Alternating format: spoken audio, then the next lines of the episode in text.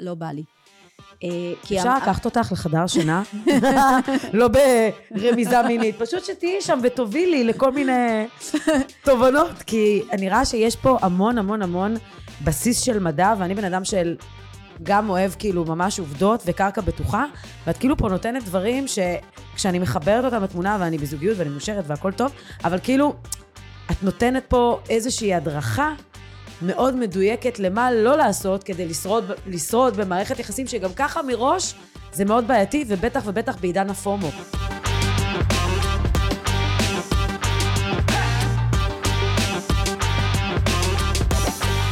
טוב, אז לפני בערך כחמש שנים אה, קיבלתי מתנה מבן זוגי דאז, להגיע לאיזשהו בר במודיעין ולהקשיב להרצאה עם דוקטור ליאת יקיר. אז uh, ברוכים וברוכות הבאות לפרק נוסף, פנויה מחדש, החיים שאחרי הגירושים, ואני נרגשת uh, לארח את דוקטור uh, ליאת יקיר, שהיא ביולוגית וחוקרת, בעלת דוקטורט ופוסט דוקטורט בגנטיקה וחקר הורמונים מטעם מכון ויצמן למדע, שגם כתבה ספר וגם חתונה ממבט ראשון. שלום דוקטור ליאת, מה שלומך? בסדר גמור, היי עינת. היי, איזה כיף לארח אותך. קודם כל, תודה רבה על הספר. קיבלתי ספר במתנה, קיצור תולדות האהבה. אה, למי אנחנו נמשכים, כיצד אנחנו מתאהבים, ואיך הביולוגיה שלנו מסבכת הכל. קודם כל, ברכות על הספר. תודה רבה, תודה רבה. הוא גם מתורגם לאנגלית בימים אלה, אז זה ממש ממש מרגש. מהמם, מה שנקרא קפיצת מדרגה מאוד מקצועית. אה, ממש. לטובת מי שזה. אני ככה זוכרת בהרצאה את כל הקטע עם העכברים והייחום. אה, שאגב, עכשיו זה עוד יותר מתחדד אצלי, ליאת היא לא דתייה, אבל בעצם בסיפור של העכברים היא סיפרה על כל הנושא הזה של קצת על נידה ולמה בעצם אה, עשו את ההרחקה של העכברים ומה זה גרם להם ואיך הם נשארו אה, נאמנים לריח של אותה נקבה. הנקבה שלהם וזה מאוד סקרן אותי. אז א', בואי תתני לי ככה ככה גם רקע לטובת המאזינים, מי את, מה את, איך הגעת בכלל לדבר המטורף הזה של כל מה שקשור להורמונים וזוגיות ובכלל באופן כללי, כי זה משהו שהוא מאוד מסקרן גם בבחירות שלנו ובכלל. נכון, אה, אז אה, בעיקרון אה, ביולוגיה זה החיים שלי ולמדתי במכון ויצמן, באמת תואר ראשון בביולוגיה, הכל ביולוגיה בחיים שלי. גנטיקה זה תחום שמרתק אותי, והתחתנתי פעמיים והתגרשתי, וזה גרם לי לצאת לאיזשהו מסע להבין בעצם מה זאת אהבה. הסיפורים ששמעתי מסביבי היו סיפורים מאוד דומים. ואמרתי אם זה קורה לכולם כנראה שיש כאן משהו אה, שהוא בביולוגיה. אה, ומאז יצאתי באמת למסע הזה של אה, מה גורם לנו לבחור בני זוג מסוימים ומה קורה בשלב ההתאהבות ומה קורה אחר כך והאם האדם הוא בכלל יצור מונוגמי. ויצאתי ממש למסע מטורף אה, וזה פשוט אה, מרתק מרתק מרתק. ואני חושבת שפשוט בעיניי התובנות יכולות מאוד מאוד מאוד לעזור לנו לייצר זוגיות בריאה יותר טובה יותר, אה, גם לשחרר את עצמנו מתסכול ואשמה ובושה, שזה רגשות שאנחנו סוחבים איתנו בכל הקשור לזוגיות והצלחה של זוגיות או חוסר הצלחה של זוגיות, פשוט לשחרר את זה וללמוד לעשות אהבה נכון. זה, זה השליחות שלי בעולם. אז קודם כל, שאפו, כי לא ידעתי שאת אה, אה, גרושה פעמיים. אז אתם רואים, יש כאלה שמתגרשים פעם אחת, ויש כאלה נשים שמתגרשות פעם שנייה, והן עדיין יושבות בשיא עוצמתן, יפות, חכמות, מלאות באנרגיה, בטוחות בעצמן, ובשבילי זה, זה כבוד גם להביא אושייה כזאת שגם נותנת את משנתך, וגם אם נכווית פעמיים, את עדיין ממשיכה אה, לדבר על הנושא הכל כך חשוב, כי גם בפרקים הקודמים כל הזמן מדברים על הנושא הזה שבאמת אף אחד לא רוצה להיות לבד. נכון. וזוגיות זה משהו ש... את יודעת, הכל, רוב החיים שלנו הם בעיקר סביב זה, כי אנשים אני לא רוצה להגיד נתלים בזוגיות, אבל זה משהו שמאוד מעצים אותם, וגם יש מחקרים היום, שדיבר על זה גם אה, אה, פרופסור שמומחה למחלות לב, קרדיולוג, שכל הנושא הזה של הבדידות יכול לגרום לך למות מהר יותר, אם את לא מוקפת ב, גם בחברה וגם באהבה. אז אה, דבר ראשון, לדעתי את עושה פה משהו מאוד... בעל ערך. כן. ולפני שאנחנו ככה נצלול גם להרצאה שלך ובכלל לכל העשייה שלך, ספרי לי משהו מעניין שמעט אנשים יודעים עלייך. אה, אוקיי, אז אה, אולי אני נראית אדם מאוד חברותי, ואנשים חושבים שבאמת אה, אני מאוד מאוד חברתית, ויש לי צד בודד, צד שאוהב את הלבד, אז זה דווקא אנשים לא כל כך יודעים עליי, שכאילו כלפי חוץ אני נראית כאדם מאוד חברתי וחברותי, אבל בתוך תוכי יש איזה משהו מאוד מופנם, עצור קצת אפילו, ו, אה, וטוב לי עם עצמי, שזה גם דבר מצוין, כן? שטוב לנו עם עצמנו. אז זה קצת לא יודעים עליי, כי אני, כלפי חוץ זה נראה אחרת. אה, יפה. זאת אומרת שהבדידות זה, זה משהו שהרבה לא, מזה, לא מכירים את הצד הזה אצלך, אבל את שלמה איתו וטוב לך ואת מאושרת עם הדבר הזה. כן, כן, כן. אה, למדתי לאהוב את הלבד, את עצמי, אה, כאילו את ה... כן, את עצמי אפילו, כי לא תמיד אהבתי את עצמי. אה, אז זה גם משהו שלמדתי, ואני חושבת שבגיל 47 באמת מקבלים את ה... מקבלים את מי שאנחנו. יופי שאנשים מגלות פה את הגיל שלהם. את יודעת, הרבה פעמים אני נכנסת לסיטואציה עם נשים ואומרות לי, אני לא רוצה להגיד לך את הגיל שלי. ואני אומרת, אבל למה? יש לכל, אה, אה, לכל שנה משמעותית נכון. אה, משהו שאת מביאה איתך ואת מתעצמת עוד יותר. אצל אבא שלי, בכלל אצל מרוקאים, נגיד השנה הוא חגג 73, שיהיה בריא. אז אני אומרת לו, אבא, בן כמה אתה? 74. אני אומרת לו, אבל זה לא עובד ככה. לא, התחלתי את השנה ה-74, ואני אומרת לו, אבא, אבל זה לא הגיוני איך שאתה מספר, זה כמו שאת תגידי לי, אני בת 48. אז עצם העובדה שחשפת פה את הגיל, זה כבר, אה, כל הכבוד אה, שאת יודעת, זה אומר המון, זה אומר המון גם מבחינת ההשלמה של מי שאת ומה שאת. ואני אה, נמצאת בזוגיות, בזוגיות נפלאה, וסוף סוף למדתי לבחור נכון, אה, אבל היום אני הרבה יותר נאמנה גם למי שאני, זאת אומרת, לצורך גם בלבד וגם בביחד, אה, וגם באמת יותר, זאת אומרת, לנהל את המערכות הרגשיות שלי, מתוך הבנה ש... יש לי קשיים, יש לי אתגרים, יש לי... אז בעצם יותר לקבל את עצמנו, אני חושבת שזה משהו שלומדים עם הגיל, יותר לקבל את עצמנו ולא לנסות להעמיד פנים שאנחנו מישהו אחר. אה, וזה מאוד מאוד חשוב לפרק ב', בטח נדבר על זה. עברת, עשית לו את התיאוריה של ה... הוא מקבל משאפים, בדיקות גנטיות, הכל. שזה לא, בעצם מה שעשית בחתונה ממבט ראשון. כן, נתתי לי. ספרי לי קצת איך זה... אה, אז זה באמת אה, תוכנית מטורפת. כל הנושא הזה שבאמת לנסות בצורה מדעית או סמי-מדעית, לנסות לחבר בין אנשים. זה האתגר שלי בתוכנית היה הביולוגיה, בעצם אה, לדאוג שהם יעברו את המשוכה הראשונית של החופה, אה, וגם אחר כך ריח, אה, שבעצם תהיה משיכה מינית, ריח מנבא 40% מהמשיכה המינית. אז זה בעצם היה התפקיד שלי, גובה, המשקל, כל האלמנטים החיצוניים. המראה, 90% מהמידע נכנס למוח דרך העיניים, אז למראה חיצוני יש השפעה, והפסיכולוגים באמת הביאו אה, את הצד העמוק יותר של האישי, מבנה האישיות והפסיכולוגיה של האדם אה, והיה מאוד מעניין, כאילו תוכנית מאוד מעניינת אה, בעצם אני מאוד מאמינה בזה, בשידוכים מסוג חדש. בעצם, זאת אומרת, לאפשר למומחיות בעצם להיכנס להחלטה הזאת, שהיא ההחלטה הכי חשובה. הכי חשובה בחיים, עם מי אנחנו בעצם מביאים ילדים לעולם. זאת אומרת, עם מי אנחנו בונים משפחה, לא עם מי אנחנו שוכבים. אה, אבל זאת ההחלטה הכי חשובה ואין לנו בדרך כלל הרבה כלים, זאת אומרת אנחנו מחליטים בצורה לא מודעת.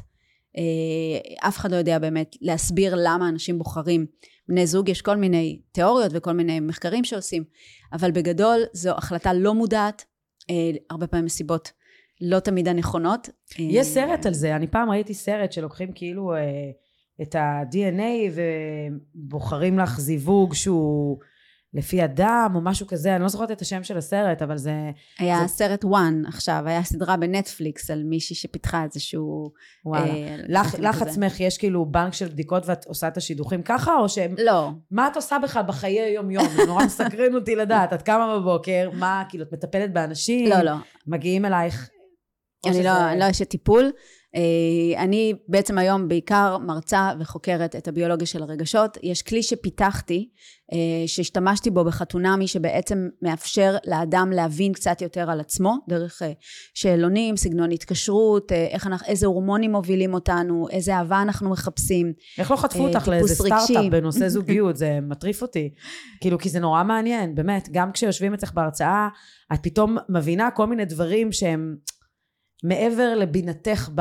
ב שאת, ש, כשהקשבתי להרצאה אמרתי וואלה זה נכון, וואלה זה קרה לי, וואלה זה מדויק, זה זה. כאילו יש פה דברים ש... ואת רואה, אני זכרתי את זה לאורך כל התקופה האחרונה כי, כן.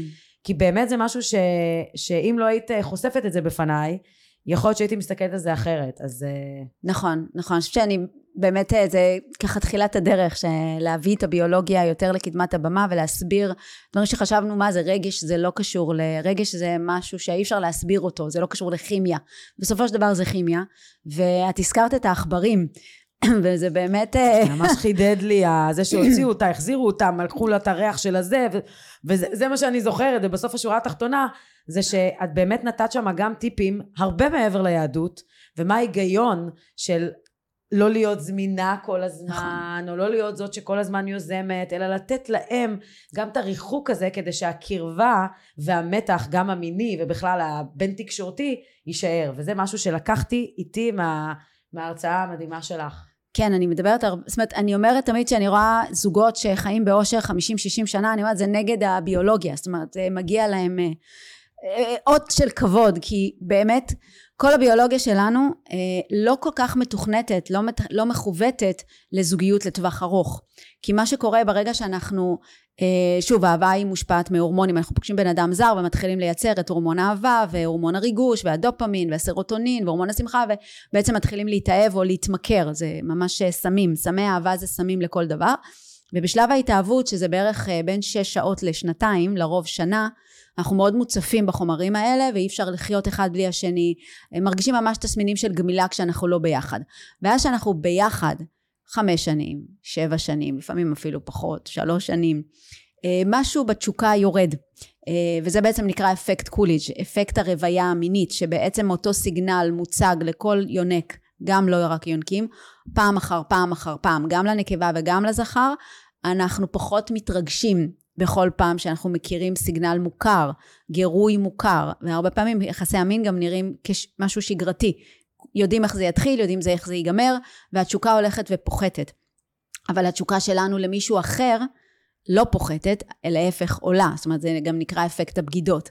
אה, כי בעצם התשוקה שלנו לאותו בן זוג יורדת, והתשוקה למישהו חדש עולה. 50% מהאנשים בעולם ששואלים אותם בסקרים אנונימיים, אומרים שהם, קרה להם במהלך חיי אהבה כלשהם, עם איזשהו בן זוג, אה, שהם בעצם אה, היו לא, לא נאמנים. זה, זה אחת התופעות הכי לא מדוברות והכי נפוצות שקיימות בבני אדם. והביולוגיה מאוד מסבירה את זה, כי הרבה פעמים אנשים אומרים, אני אוהבת אותו, אני אוהב אותה, היא האישה שלי, אנחנו חברים, הפכנו להיות חברים מאוד טובים, אנחנו כמו אחים, כל מיני מילים שכאילו לא קשורות בכלל לעולם האהבה, שבעצם קורות בגלל אפקט הרוויה המינית. שבעצם אותו סיגנל, אותו גירוי לאורך זמן, אה, בעצם מערכת העצבים שלנו לא מגיבה אליה כמו שהיא הגיבה אליה. בהתחלה זה קורה לנו עם כל דבר, אפקט השעמום. אי אפשר לאכול פיצה כל הזמן, אי אפשר לראות את אותם... המשפט המדובר של אה, אייל גולן.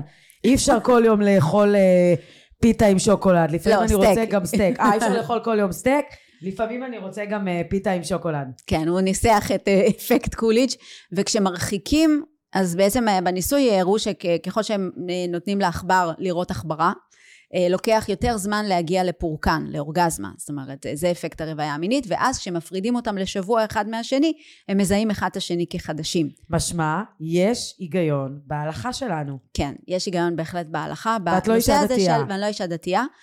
בנושא הזה שבעצם של, של הפרידה, של הגעגוע, של התשוקה, שנינו ביחד, אבל גם כל אחד לחוד. דרך אגב, מחקרים על פרק ב' מראים שזוגות שלא חיים ביחד מחזיקים יותר זמן.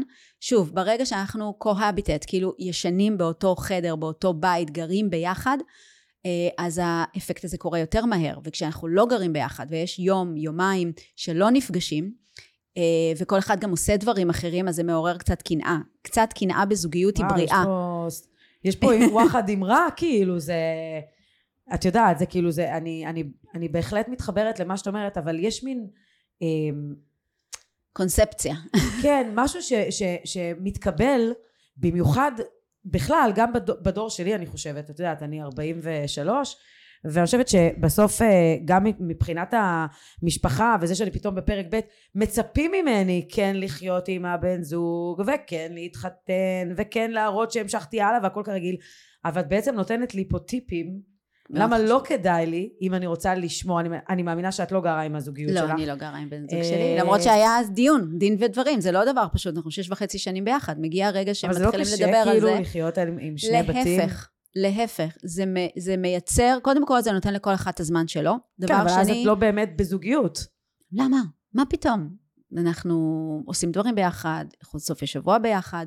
הרבה מאוד אנשים חיים ככה, ויש בזה, שוב, כשאנחנו מתבגרים, אנחנו יותר ויותר מתחילים לקבל את עצמנו כמו שאנחנו, וההרגלים שלנו, השגרות שלנו, הופכות להיות יותר מקובעות. וכשמישהו אחר נכנס לנו לתוך החיים ומביא את ההרגלים שלו, את השגרה שלו, אה, זה יכול ליצור חיכוכים ומתחים, שלא נדבר על ילדים שלעולם לא עוזבים את הבית, כן? עד גיל 30 יושבים בבית.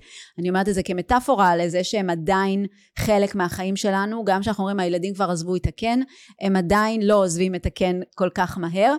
ולכן כשאנחנו מאחדים את הבתים אנחנו בעצם יוצרים שלל של מקורות חיכוך כי כל משפחה יש לה את המערכת אה, עצבים שלה אני קוראת לזה קונסטלציה נוירונלית של משפחה וזר לא יבין זאת. וכשאנחנו מסתכלים אה, גם ככה המוח שלנו נוטה לשפוט לבקר ולראות את, ה, את השלילי אה, אז כשאנחנו רואים התנהלות של משפחה אחרת עם כל האהבה והחיבה והקשר זה יכול לעורר בנו אה, כל מיני רגשות אה, שליליים ובקיצור נכנסים למתחים וחיכוכים מיותרים כי הרגלים לא מודעים של משפחות אי אפשר לשנות. כל משפחה מייצרת לעצמה את, ה, את המערכת עצבים שלה ולכן כשאנחנו לא יוצרים את כל האיחוד הזה ובעצם מביאים לחיים שלנו הרבה אה, הרגלים ודפוסים לא מודעים של אנשים אחרים. שוב, בטבע אין דבר כזה לגדל ילדי, צאצאים של אה, אה, מישהו אחר. אין, אין חיה כזאת. בטבע בכלל זכרים תוקפים אה, ילדים של אחרים, צאצאים של אחרים, וגם נקבות אה, נותנות את כל המשאבים לצאצאים שלהם. זה בטבע שלנו, זה אבולוציוני. גם ילדים, גם הצאצאים בנויים לעמוד על הרגליים האחוריות כשמישהו בא לגעת להם במשאב. והמשאב הוא גם הזמן של אימא. או הזמן של אבא. אה, תשומת לב זה לאו דווקא כסף, אבל גם כסף הוא גורם. אז אני אומרת שיש את המרחק הזה, זה לא רק המרחק של לישון בבתים נפרדים אה, ולא כל הזמן להיות ביחד, ולא כל הזמן גם אה, עניין של סקס ודחף מיני, אלא גם הנושא הזה של באמת כל מקורות החיכוך הם נפרדים. אז אם אני עכשיו נגיד מסכמת את דברייך, סל הקניות למאזינים שלנו, זה א', לא לגור ביחד. זה אחד. זה לא מתאים לכל אחד, אבל כן, אני אומרת שהמחקרים מראים שזוגות שלא גרים ביחד יש יותר תשוקה, אה, יותר אה, מחויבות בעצם לטווח ארוך, אה, והצלחה יותר טובה של הקשר, כי הסטטיסטיקה של קשר בפרק ב' היא איומה. 75 אחוז להיפרד יש סיכוי גבוה יותר בפרק ב' מאשר מפרק א'. אפשר היה לחשוב שאם כבר עברנו משהו בחיים אז למדנו. ואני חושבת שאחת הסיבות שזה קורה, שאיכות הקשר, גם, גם הזמן קשר ממוצע הוא שנה. היא פחות מפרק א', כן? פרק ב' הוא, צריך להבין, אה, זה לא שלמדנו ואנחנו יודעים, אלא אנחנו בעצם באים עם שק של אה, אה, קשיים, ממה שחווינו במערכות יחסים קודמות. המוח שלנו גם יותר מבוגר, קצת יותר מקובע. לא פתוח כל כך להכל, אנחנו נהיים יותר שמרנים בוא נאמר בתפיסות שלנו, את עצמנו, אה, ולכן יש לנו, אני לא רוצה להגיד את כל הסיבות להיכשל, אבל אני דווקא אגיד את זה, את כל הסיבות להיכשל. וברגע שמבינים את זה, ושלא נדבר על מה שאמרנו, החבילה שאנחנו מביאים איתנו, הילדים שלנו, מקשה. עם מה שהם חוו, עם כל מה שקורה לנו, אה, והחברה גם לא, לא מקלה עלינו, כן? לא פשוט לגדל, אה, להיות הורה. חד הורי ממש ממש לא פשוט, והמשפחה, כמו שאמרת, מה יגידו, כל הסיבות אה, להרבה מאוד מתח אה, וקושי להיקשר כי כבר חווינו, כבר נכוונו כמו שאמרת, אנחנו לא נותנים את הלב שלנו כל כך בקלות, אנחנו מלאים במגננות, חומות שהלב יוצר, אני בכוונה אומרת הלב יוצר כי באמת הלב נשבר לנו בפרידה. אה, תאים מתים בלב בסטרס מאוד גבוה של פרידה. גירושים זה פיגוע למערכת העצבים שלנו ובאמת נשבר לנו הלב וכשמערכת העצבים שלנו חווה כאב Uh, המטרה של המוח ומערכת העצבים זה לא לחוות כאב שוב, גם במחיר שלא תהיה לי אהבה ולא יהיה לי אושר ולא יהיה לי שום דבר, ולכן אנחנו בונים חומות ומגננות uh, ומנסים לפרש כל דבר, הנה, הנה, הנה הוא כמו לא, אני גם, אני חושבת שבאמת אנשים uh, יכולים למות משברון לב. אני חושבת שלדוגמה, עוד פעם, שוב, את יודעת, שלא יתבעו אותי, אבל אני חושבת שגם המקרה נגיד של צביקה פיק, לדעתי הוא מת משברון לב. אני ביום ראשון הייתי אצל איזה חברה והתחלנו לדבר על משפחה שהכרנו, כאילו מהתקופה של הילדות, ובאמת אה, חצי שנה אחרי שאשתו נפטרה, הוא נפטר באופן הזוי, כאילו, על הקזינו בווגאס. וואו. הוא פשוט אה, היה באמצע המכונה, ובום. ויום לפני זה, הם בדיוק סיפרו לי את זה, אמ, ויום לפני זה, הם, אה, הם סיפרו שהוא אכל מהפסטה שלה. של אשתו שנפטרה כמה שנים לפני, כאילו שנתיים לפני, משהו כזה.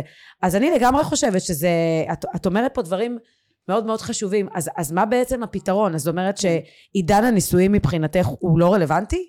עוד פעם, האדם הוא, השאלה הגדולה, האם האדם הוא יצור מונוגמי, זאת אומרת, האם אנחנו בכלל בנויים לקשר אחד לכל החיים. אז בוא נאמר, קודם כל, רוב היצורים בטבע אינם מונוגמיים בכלל. 97% אה, הם פוליגמים, אה, הנקבות רוצות את האלפא מייל, את הכי יפה, הכי גדול, הכי חתיך, הכי נרקסיסט בדרך כלל, אה, רוצות אותו ולא חיים ביחד בכלל, כאילו יש זכר ונקבות והן עושות הכל. זה האסטרטגיה היציבה בעולם החי.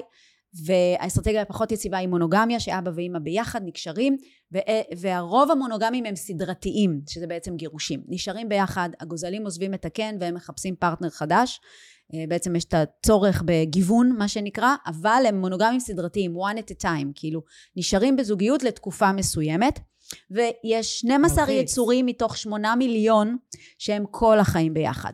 גם את זה אני זוכרת מההרצאה. נכון. יש את האסיר ציקליד, הדג החמוד הזה, אסיר גם קראו לו, נתנו לו שם, שהנקבה מת, אה, מתה, או... אה, אז הוא בעצם שלושה ימים דופק את הראש באקווריום ומתאבד. לא משנה כמה נקבות מביאים לו, הוא לא יכול בלעדיה. והם עברו איזשהו שינוי גנטי, הם נקראים מונוגמים גנטיים. הם מייצרים קיבוע, צימוד, התניה של עונג רק מהבן זוג, זאת אומרת, הם, אין להם קוליג', אין להם את האפקט של אה, לגוון ופורנו ו... ו בעצם לייצר גיוון, הם רוצים רק את אותה נקבה או אותו זכר כל החיים. הם מעטים, הם נדירים, ואנחנו לא שייכים אליהם.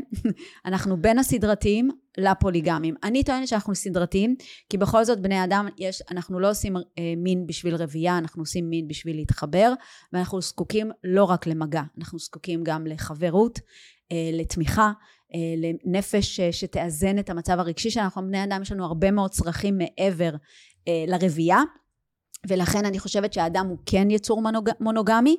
לא כולם, יש 20% מהאוכלוסייה שהם מחפשי הריגושים. הם לא טוב להם בזוגיות אחת, הם צריכים גיוון, משתעממים מאוד מהר, מערכות היחסים שלהם בדרך כלל לא מחזיקות הרבה זמן מעמד, אה, ולפעמים אפשר גם אה, להבין שזה מי שאנחנו, מחפשי הריגושים, אה, אבל 80% בעצם נמצאים על איזשהו רצף של מונוגמיה, וזקוקים בעצם לקשר ארוך טווח להיקשר לבן אדם אחד, אדם שמכיר אותי, לא צריך כל פעם להציג את עצמי ולהסביר את עצמי מחדש, אה, אז אנחנו כן מאוד מאוד, אה, אה, אני כן חושבת שאנחנו יצור מונוגמי. אז שוב, שייכים למונוגמים הסדרתיים, שאחרי תקופה מסוימת, בעיקר בדרך כלל זה התשוקה יורדת. מה שקורה בדרך כלל, שהתשוקה יורדת, אנחנו לא חושבים על הביולוגיה, אנחנו חושבים, אולי הוא כבר לא מתאים לי, אולי הוא כבר לא עושה לי את זה. אנחנו מנסים למצוא משהו לא טוב אצל בן הזוג, למצוא תכונות לא טובות כדי להסביר את הירידה בתשוקה. אני אגיד עוד דבר, נשים וגברים זה לא אותה מערכת מין, הדחף המיני שלנו שונה. המחקרים מראים שנשים, אצל נשים הדחף המיני יורד מהר יותר. אה, אה, אה, לא, בעצם דווקא ככל שהבן זוג יותר בטוח עבורי, יותר צפוי מראש, אה, יותר נותן לי ביטחון, שגרה, אה, יציבות, התשוקה יורדת עוד יותר, הדחף המיני יורד עוד יותר. אירוטיקה משגשגת בחוסר ודאות, חוסר של שגרה, אה, חוסר יציבות. וואו, תקשיבי, הרגת אותי בפרק הזה, זהו, אני פשוט חושבת uh, לסגור את הבסטה. לא, אז איך עושים את זה? רגע, לא, לא נתייאש, כי ילדים צריכים הפוך, נכון? ילדים צריכים שגרה, ודאות. נכון. בגלל זה יש לנו את המתח הזה. בייחוד שאנחנו הורים לילדים קטנים, שילדים קטנים, ילדים צריכים לישון בשמונה, לקום, לאכול שלוש ארוחות ביום, הכי שגרתי. וזה הורג את האירוטיקה, זה הורג לנו את האירוטיקה, כי אה, בעצם אנחנו כל הזמן במתח הזה, מה משפחה צריכה ומה האירוטיקה צריכה. זה, זה מתח שזוגות חיים איתו כל הזמן, או שמוותרים ועוברים לפעם בשבוע סקס מוכר, שאנחנו יודעים מה, צופים מראש כל דבר מה יקרה, איך זה ייראה, אה, ומשלימים עם זה מה שנקרא. ואני נכנס טוענת... נכנס פה גם איזשהו קטע של נגיד זוגיות פתוחה? של open relationship? כן, בוא נדבר על זה רגע, אבל לפני זה, אם אנחנו רוצים באמת לשמר את האירוטיקה, אז אנחנו, אחת הדרכים, אולי זה ייראה לך מוזר, אבל אחת הדרכים זה לריב, ריב טוב כזה. כי בעצם בזמן ריב, אבל חשוב לריב נכון. לריב נכון זה אומר להתפייס תוך שעה וחצי, לדבר באני ולא באתה, אבל הכי חשוב זה הפיוס. כי מה שהריב עושה, הוא קצת שובר שגרה. הוא יוצר אדרנלין, הוא יוצר איזשהו מתח, ואדרנלין כשהוא מופרש בגוף הוא יוצר איזשהו מצב של חוסר יציבות. אה, בייחוד נכון הרבה פעמים אומרים אה, יאללה בוא ניפרד אז בוא ניפרד בוא נפרק את החבילה לא תמיד זה בשביל רצון להיפרד אלא לייצר איזושהי תחושה אה, שלא הכל בטוח לא הכל מובן מאליו לא הכל צפוי מראש והאדרנלין הזה בעצם מעורר את הדחף המיני שלנו אז אני טוענת שמדי פעם טוב לריב טוב גם קצת לקנא, גם קנאה מעלה אדרנלין, שאנחנו רואים את הבן זוג שלנו בעצם לא מובן מאליו, לא כזה הכל בטוח, זה גם מעורר בנו אה, אה, אדרנלין. אה, אז לעורר אדרנלין כדי להחזיר את האירוטיקה מה שנקרא. אה, וגם אני טוענת שאנחנו פשוט אה, צריכים אה, לשנות את כל התפיסה שלנו בנוגע למין. המין שהיה לנו בגיל 20 זה לא המין בגיל 40 ולא המין בגיל 50. אנחנו צריכים לצאת למסע שהוא מסע של כל החיים. של השקעה ולמידה וחקירה בלתי פוסקת של המיניות שלנו, בייחוד נשים. כי כל ההיסטוריה האנושית בחברה פטריארכלית מדכאת את המיניות הנשית. אישה שהיא מינית מדי, אסור לך להיות מינית מדי, כן? אה, אה, כל המטרה היא לדכא את המיניות של האישה ולא ללמוד אותה גם. זאת אומרת, המיניות של האישה צריכה להיות כמו המיניות של הגבר, שהדחף של הגברים הוא הרבה יותר ספונטני, הם רואים משהו, שומעים משהו, הכל שם מתעורר. אצלנו זה לא עובד ככה. אצלנו הדחף עובד בצורה אחרת, הוא יותר תגובתי, הוא בתגובה למשהו, אבל אל תלמדי יותר מדי את הדחף המיני שלך, ובואו לא נדבר על המיניות שלך, את יש לך תפקידים ברורים בחברה, תעשי אותם, תספקי את הצרכים. ומה שאת צריכה זה לא כזה מעניין, אז לא למדנו בכלל להיות קשובות לעצמנו, המיניות שלנו, אה, את יודעת שני אחוז מהנשים בעולם חושבות שהן יפות. סקר של נשים בגילאי 6 עד 86, 2% בכלל חושבות שהן יפות. את יודעת איזה פיגוע המוני זה לדחף המיני, אם אני לא חושבת שאני מושכת מספיק, יפה מספיק, נראית טוב מספיק. אמ, וכמה דרך אגב, את יודעת כמה גברים חושבים שהם יפים? 6 עד 86? 40 אחוז. 40 אחוז חיים בסרט, מה שנקרא. אובר ביטחון. נראה לי הפרק הזה צריך להיות שעתיים, לא רק איזה. אגב, תוך כדי שאת מדברת, עולה לי בראש אה, אה, שתי סדרות שראיתי. אני לא יודעת אם את ראית, אבל מעניין אותי לדעת מה הדעה שלך עליהן. אחד זה סיפורה של שפחה, והשני זה אוטונומיה, סדרה חדשה באות, שהיא מדברת על ממש כל מה שקורה עכשיו, שתי מדינות. אה, אוטונומיה זה בעצם כל המגזר החרדי, שהפרידו אותם, יש חומות, יש זה, ומה שקורה שם זה אללה איסטר וצעקתו, ויש את מדינת תל אביב, ויש שם סיפור וואו. של... אה, אה, שכחתי את השם של השחקן, שהוא כביכול מגלה את החיים מחוץ לאוטונומיה, ומתאהב במישהי, ובטעות שוכב איתה, וכמובן הוא דתי וחרדי והכל. אז באמת מסקרן אותי לדעת, שאת מסתכלת על, על, גם על החברות שלנו בתוך ישראל, ובכלל באופן כללי, יש לך איזושהי... חשיבה נגיד גם על מה שקרה עם סיפורה של שפחה לדעתך זה משהו שיכול לקרות כי בסוף את בעצם מחזקת את מה שקורה בסדרה בעדינות אני אומרת. למה? כי הם בחרו את החברה לחיים, אבל כדי לשמר את החברות, יש להם מישהי אחרת שאיתה הם עושים סקס כדי כביכול להביא את הילדים לעולם. אני מניחה שראית את הסדרה. לא, לא ראיתי. לא ראיתי, כי זה... הבנתי שזה הם כאילו עושים את הכל קשוח. בידי השם, ויש תפילה, והאישה מחזיקה את האישה שהוא איתה, הוא שוכב כדי להביא ילדים, וואו. והוא הבוס בבית, כן. והוא מוביל את הכל, ואותה שפחה מביאה רק את הילד, היא נשארת להיות בבית, והיא בעצם שוכבת איתו מדי פעם. אני לא בטוחה אני לא זוכרת כאילו בסדרה האישה האמיתית ממש שוכבת עם הגבר לדעתי היא לא מורשית להביא ילד או משהו בסגנון או שהיא לא יכולה להביא ילד אבל סדרה ממש כאילו כן. ככה זה.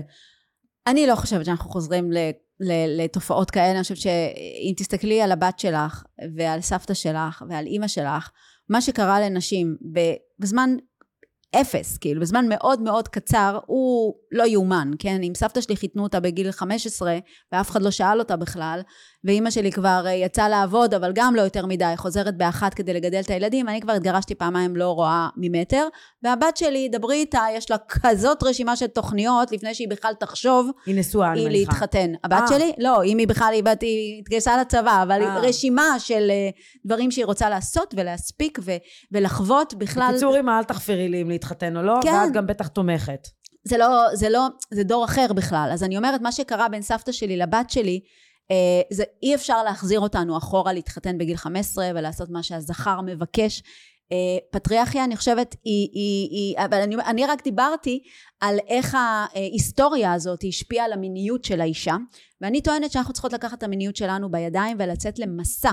מסע של להכיר את המיניות שלי, מה טוב לי, מה אני צריכה, איך הדחף המיני שלי בכלל מתפתח, מתנהל, גיל המעבר, זה כבר אה, קרוב, אה, אני מריחה אותו, אבל אה, נשים עוברות שינויים מסיביים בגיל המעבר, וזה דווקא הגיל ללמוד את המיניות שלך מחדש, כי הדחף המיני משתנה בגיל המעבר, אה, והסיפור של גברים הוא סיפור אחר לגמרי מהסיפור של נשים בכל הנוגע למיניות, ולכן אני טוענת ממש... ובואו, גם אתם נפגעים, כן? בואי, בואי, בואי. בואי, לגברים בואי יש גיל מעבר, אה, הטסטוסטרון יורד ל-20% ממה שהוא היה מגיל 55, העשור של 55-65 זה עשור מאוד קריטי לגברים, מי שעובר את למה? ה-65 יש לו סיכוי להגיע ל-80.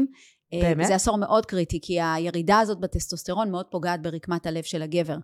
אה, ולכן גברים גם סובלים יותר מבעיות לב, אה, ואם הם לא שומרים על עצמם, אז זה באמת, אה, אה, זה עשור מועד לפורענות, העשור של ה... 50 בגלל הירידה של הטסטוסטרון, מטורף. אה, וגם העשור שלנו, של גיל המעבר, הוא מביא אתגרים. אה, ולכן אני טוענת ממש שאנחנו צריכות לצאת למסע נכון, לשחרור אני שמעתי המיניות מישהי שלנו. שאמרה לי שבגלל השינויים ההורמוניים, אז רואים יותר נשים בגילאים אה, של 50 עד 60 חולות בכל מיני סוגים של סרטן. בגלל שהגוף מתבלבל והוא לא כל כך יודע, כאילו יש המון שינויים ולפעמים הגוף תוקף ואז מגיע סרטן וכו' וכו', זה נכון? יש שינויים זה של כאילו- האסטרוגן, שגורמים לכל מיני אה, שינויים בהורמונים אחרים, גם ירידה של הסרוטונין. אה, אז אישה עוברת שינויים, גם הגבר עובר שינויים, ואני חושבת שה... למה אני כל כך מדגישה את המיניות? כי המגע, אני לא דווקא אה, מגע כל הזמן מיני, בכלל מגע, אבל כשאת חוששת מסוג מסוים של מיניות, את כבר לא רוצה מגע, נכון? מה עכשיו הוא ייגע בי, ירצה, עכשיו עוד פעם, טה-טה-טה, לא בא לי. אה, אפשר לקחת אותך לחדר שינה? לא ברמיזה מינית, פשוט שתהיי שם ותובילי לכל מיני תובנות, כי נראה שיש פה המון המון המון בסיס של מדע, ואני בן אדם של גם אוהב כאילו ממש עובדות וקרקע בטוחה, ואת כאילו פה נותנת דברים שכשאני מחברת אותם לתמונה ואני בזוגיות ואני מאושרת והכל טוב, אבל כאילו את נותנת פה איזושהי הדרכה מאוד מדויקת למה לא לעשות כדי לשרוד, לשרוד במערכת יחסים שגם ככה מראש זה מאוד בעייתי, ובטח ובטח בעידן הפומו. נכון. אה, שזה נכון, עידן באתרי מבחינתי... היכרויות. כל האתרי היכרויות, כל ה... ה... לרוץ מאחת לשנייה. את יודעת, אני מסתכלת על הדברים האלה ואני אומרת, את נותנת פה זהב. זה ממש אה, כמו שיש אה, אה, תנ"ך, אז זה תנ"ך לדברים שקשורים לזוגיות שיכולים לתת לך טיפים והכוונה אה, הלאה, לעתיד, כדי להיות במקום שהוא בטוח עד כמה שאפשר. כן, אני מאוד מסכימה. זה מתחיל קודם בלהבין מי אנחנו, איך אנחנו, הבחירות שלנו, ומה מוביל אותנו, ובעצם מי אני כאישיות מינית, יש לי אישיות, יש לי גם אישיות מינית, ואחר כך באמת איך, איך, איך, איך מתחברים, איך מתאהבים, איך משחררים את הכאב לב הזה, ונותנים לעצמנו לתת אמון עוד פעם, להתאהב עוד פעם, זה לא מובן מאליו, אנחנו מסתובבים כזה עם חצי פוסט טראומה, מכל מיני דברים שחווינו, יש אנשים ש...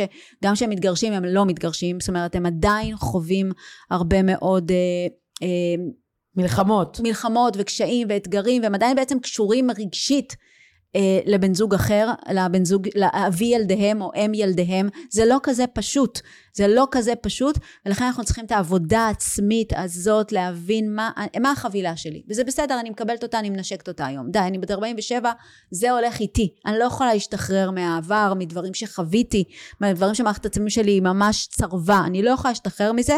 מה אני עושה עם זה אבל? גם איך זה משפיע על הבחירות העתידיות שלי ואיך אני מזמנת לעצמי זוגיות בריאה? איך יוצרים קשר? כי באמת אנשים באים עם הרבה מגננות וגם לפעמים גברים, גם נשים, בורחים ל, ל, לסטוצים, שם הכי קל, קשרים מזדמנים. קל. לקבל, לפרוק אנרגיה. בי. אגב, את אה, אה, מגיעים אלייך גם לפגישות אה, אישיות של אחד על אחד? אה, לא, אני לא עושה פגישות, אני לא אשת טיפול, אני לא רוצה להיכנס לעולם הטיפול, אה, אבל כן יש לי את הכלי הזה שיצרתי, שבעצם מאפשר לאנשים קודם כל להכיר את עצמם וללמוד את כל המדע של האהבה. ולפעמים אני עושה גם סדנאות, יש לי סדנה קרובה שממש פריצת דרך, זאת אומרת גם מתוך הבנה עצמית. מתי הסדנה הקרובה? הסדנה תהיה באזור אוקטובר, אוקטובר-נובמבר, עדיין אין את התאריך, אבל אני אשלח, אפשר לראות, אפשר לראות באתר שלי. אה, באמת אנחנו מנסים לעשות, אה, אני ועוד אה, חבר, גיא מנדלוביץ', איזשהו שהוא NLPיסט ומאמן, לשלב את העולמות האלה. זאת אומרת, אני, אני יותר בניתי את הכלי שמאפשר להבין מי את, מה נכון לך, איך את פועלת בעולם הזה, אה, וגם מביא את הכלים מהעולם של ה-NLP והאימון של אה, אוקיי, הבנו, הבנו מה האמונות שלנו והכל, איך משחררים את זה, וגם איך לומדים את המדע של אהבה, מה ההבדלים בין גברים ונשים, אה, כל הנושא הזה של באמת התאהבות ומיניות וזוגיות לטווח ארוך, מה מנבא הצלחה בזוגיות. דרך אגב, שביעות הרצון של האדם מהחיים שלו, זה הגורם הראשון שמנבא הצלחה בזוגיות. זה לא קשור בכלל לבן זוג. אם לא טוב לי בחיים שלי, אני רואה רק רע, אני רואה... ו, אה, אז סטרס, רמת הסטרס ושביעות הרצון מהחיים, זה הגורמים שמנבאים הצלחה בזוגיות. אז קודם כל, לטפל בעצמנו, אה, להתחבר, אני קוראת לזה, לעוגני האושר שלנו, אה, למלא את החיים באוקסיטוצין, אוקסיטוצין זה הורמון אהבה, הוא לא חייב לבוא רק מזוגיות. חברות, חברים מהמין השני, בכוונה אני אומרת, כי לנשים יש נטייה אני לא סובלת אה, שהבני זוג שלי יש ידידים, זה מטריף אותי. מה קורה אה, לך? ידידות, סליחה. להפך, זה מצוין. למה? זה מצוין. לחתוך את הפרק. אני מבקשת לחתוך את הפרק, הפרק יורד. לא סתם שהוא לא יקשיב לפרק. למה זה מצוין? זה ממש יהיה ככה לסיכום, כן. נראה לי זה תורה שלמה.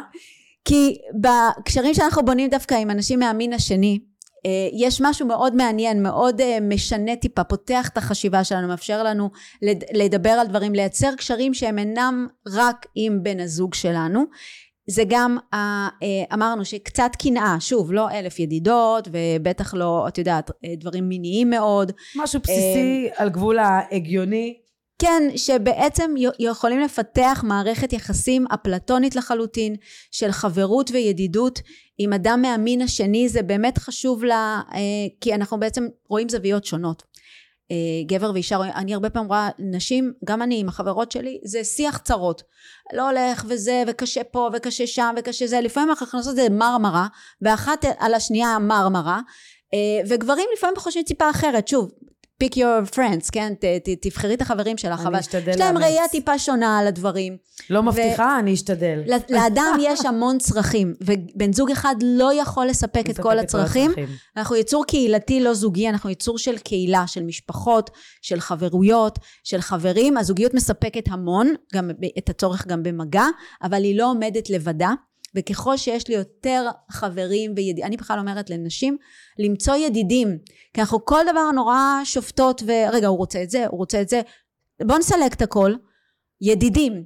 נלמד לייצר ידידות, משם יכולה להתפתח גם חברות, או שנכיר, נ, נ, נרחיב את המעגל החברתי שלנו. כי הרבה פעמים דייטים נראים כמו רעיון עבודה. בוא, בוא נראה אם אתה מתאים לרשימה שלי, אם את מתאימה לרשימה שלי. לא, לא, שלום, נלחץ ידיים, נשתה קפה. ככה בני אדם לא מכירים. בני אדם מכירים במעגלים חברתיים.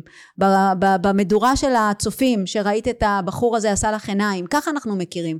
לא מרעיון עבודה קורות חיים. בואי, מה עשית בחיים? מה אתה עשית בחיים? אה, אז אני חושבת שבכלל אנחנו, יש לי על זה תיאוריה שלמה, על איך צריך להכיר. בקיצור, אה, קודם כל אני רוצה להודות לך, אה, ממש תודה, דוקטור ליאת יקיר. רוצו לקרוא את הספר, קיצור תולדות האהבה, ואני יצאתי מפה עם סט כלים, אחד, לא לגור ביחד, שתיים, תמיד להשאיר את אפקט ה... להשאיר משהו ולא לשמור על מתח מיני. ושלוש, אני רצה לעשות ידידים. כאילו, לעשות במובן של לספח לעצמי ידידים. אז אה, המון המון תודה, שיהיה לך בהצלחה עם הספר. תמשיכי לחקור. אני, אני מרגישה שאנחנו ניפגש בעוד פרק, כי נתת פה המון המון טיפים, אני הולכת לנסות אותם, ובסוף אני אגיע גם עם התוצאות. אה, זהו, וכמובן שיש את הכנס או את המפגש שאת עושה, אני ממש אשמח אה, גם להגיע ולפרגן לך. ותודה רבה. תודה רבה, שמחתי מאוד. גם אני.